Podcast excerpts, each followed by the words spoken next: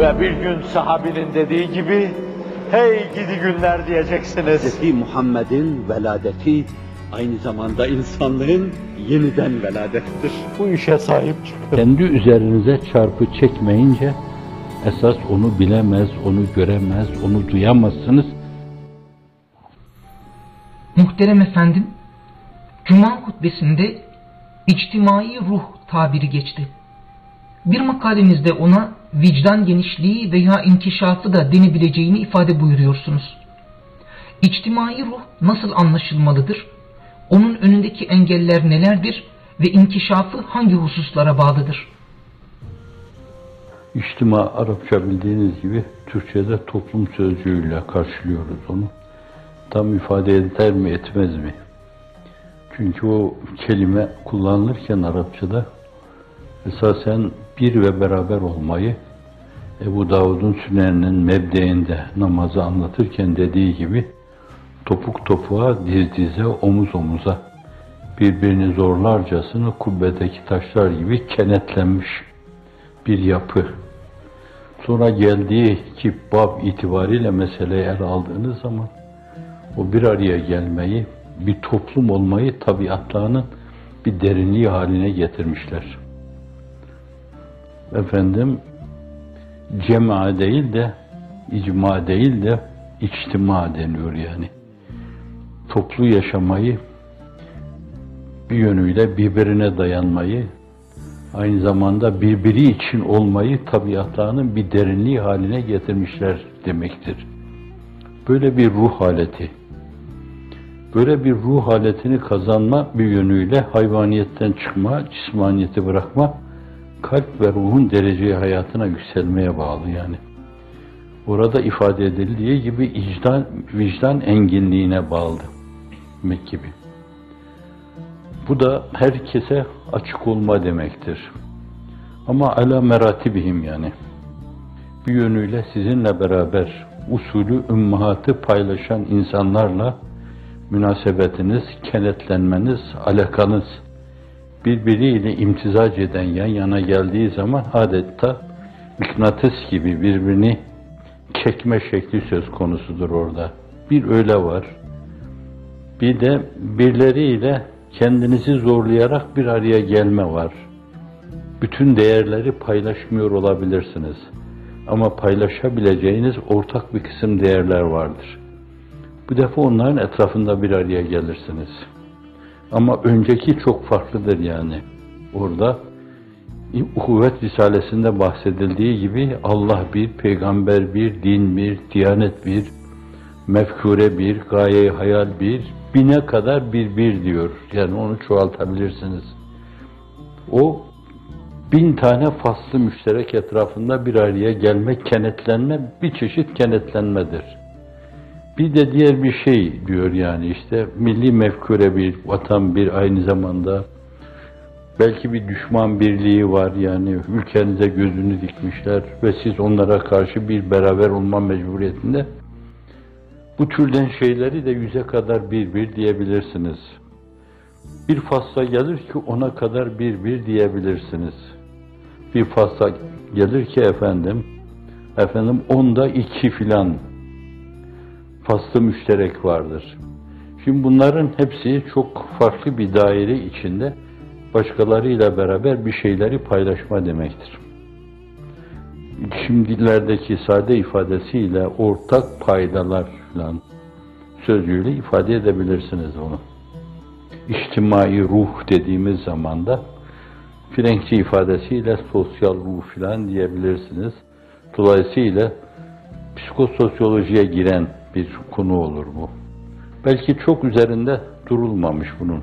Ama Uhuvvet Risalesi açısından bu meseleye bakabilirsiniz. Bir de kendi duygularınızdan sıyrılarak daha ziyade Cenab-ı Hakk'ın muradını hedeflemek suretiyle İhlas Risalesi açısından meselelerin üzerinde durabilirsiniz.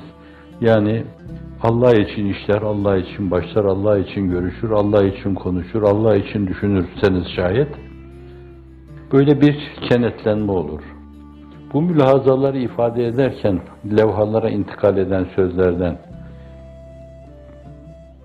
İnsanlar kalbinize girdikleri zaman ayakta kalma endişesine kapılmamalılar. Evet, duygu ve düşünce itibariyle kalbinizde herkesin oturacağı bir sandalye olmalı. Çok rahat yani, senin de yerin var burada demelisiniz. Ama bahsettiğim gibi saflar halinde esasen. Bu ruhun inkişafı hani biraz belki terbiyeye bağlı. Yani ailede terbiyeye bağlı, sokağın o terbiyeyi delmemesine bağlı, mektebin o terbiyeyi ilmileştirmesine bağlı, mabedin o terbiyeyi ruhanileştirmesine bağlı şeyler. Yuva fakirse şayet, sokak kirli ise, mabet formalitelerin tesiri altındaysa, mektepte kalbi ve ruhi hayatın yeri hiç yoksa, her şey materyalizm, naturalizm, pozitivizm etrafında dönüp duruyorsa, ölü oluyor diye tenkit etmiyorum, sorgulamıyorum yani. Şayet öyleyse, öbür türlüyse bunlar birbirlerini teyit ederler yani. Birinin yaptığı şeyi diğeri bozmaz. Yuvada sağlam anne ve babadan, aile çevresinden aldığı şey sokaka kumara atılan bir zar gibi bence zayi olmaz. Mabet onu ruhanileştirmek suretiyle derinleştirir. Mektep bir yönüyle tekvini emirlerin, eşya ve hadiselerin hallac edilmesiyle insan her zaman kainatı didik didik böyle hallac eden bir insan haline getirir. Bir derinleşme olur. Böylece biri birini yıkmaz yani. Sokak yuvaya rağmen olmaz. Mabet yuvaya rağmen olmaz. Mektep yuvaya rağmen olmaz.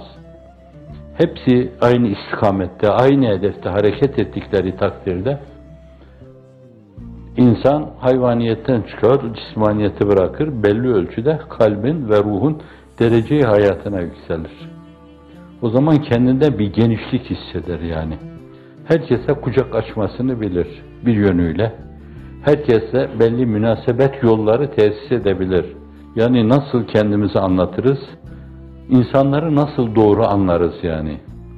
Kendimizi doğru anlatmayınca, başkalarına da efendim başkalarını da doğru anlamayınca, doğru okumayınca zannediyorum öyle kalbi ve ruhi bir birlik tesis etmek meselesi de mümkün olmayabilir.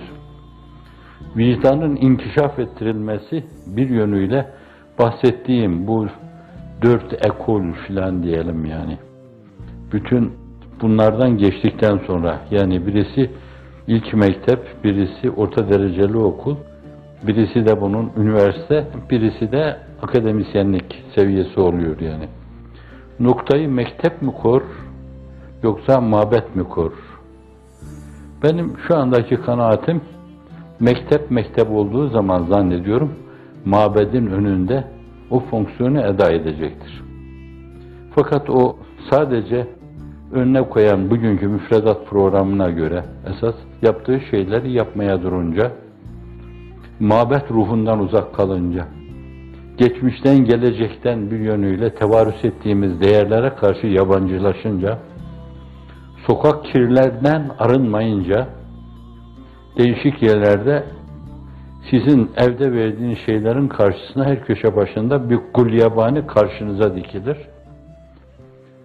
Ve sizin ruhunuz inkişaf etmez. O ruh inkişaf etmeyince, vicdan inkişaf etmeyince, his dünyanız inkişaf etmeyince, bu defa o kucaklama da tabii olmaz artık. Zorlamalı, suni olur. Riyakarcı olur. Vaka onu da çok kınamam yani. Suni de olsa birilerine karşı belki o taklidi şey bir gün tahkikiye inkılap eder. Bir gün hakiki olur yani. Ama meselenin böyle hakikatte başlayıp hakikatla noktalanması, hakikat adına bestelenmesi veya bir güçte halinde ortaya konması, yine hakikat adına ona bir kafiye konması ve öyle bir kafiye ki adeta o manzumun bütün muhtevasını ifade edecek mahiyette kafiye konması bütün bunların bir araya gelmesine vabestedir. Bunlar bir araya geldiği zaman ancak o içtimai ruh hasıl olur.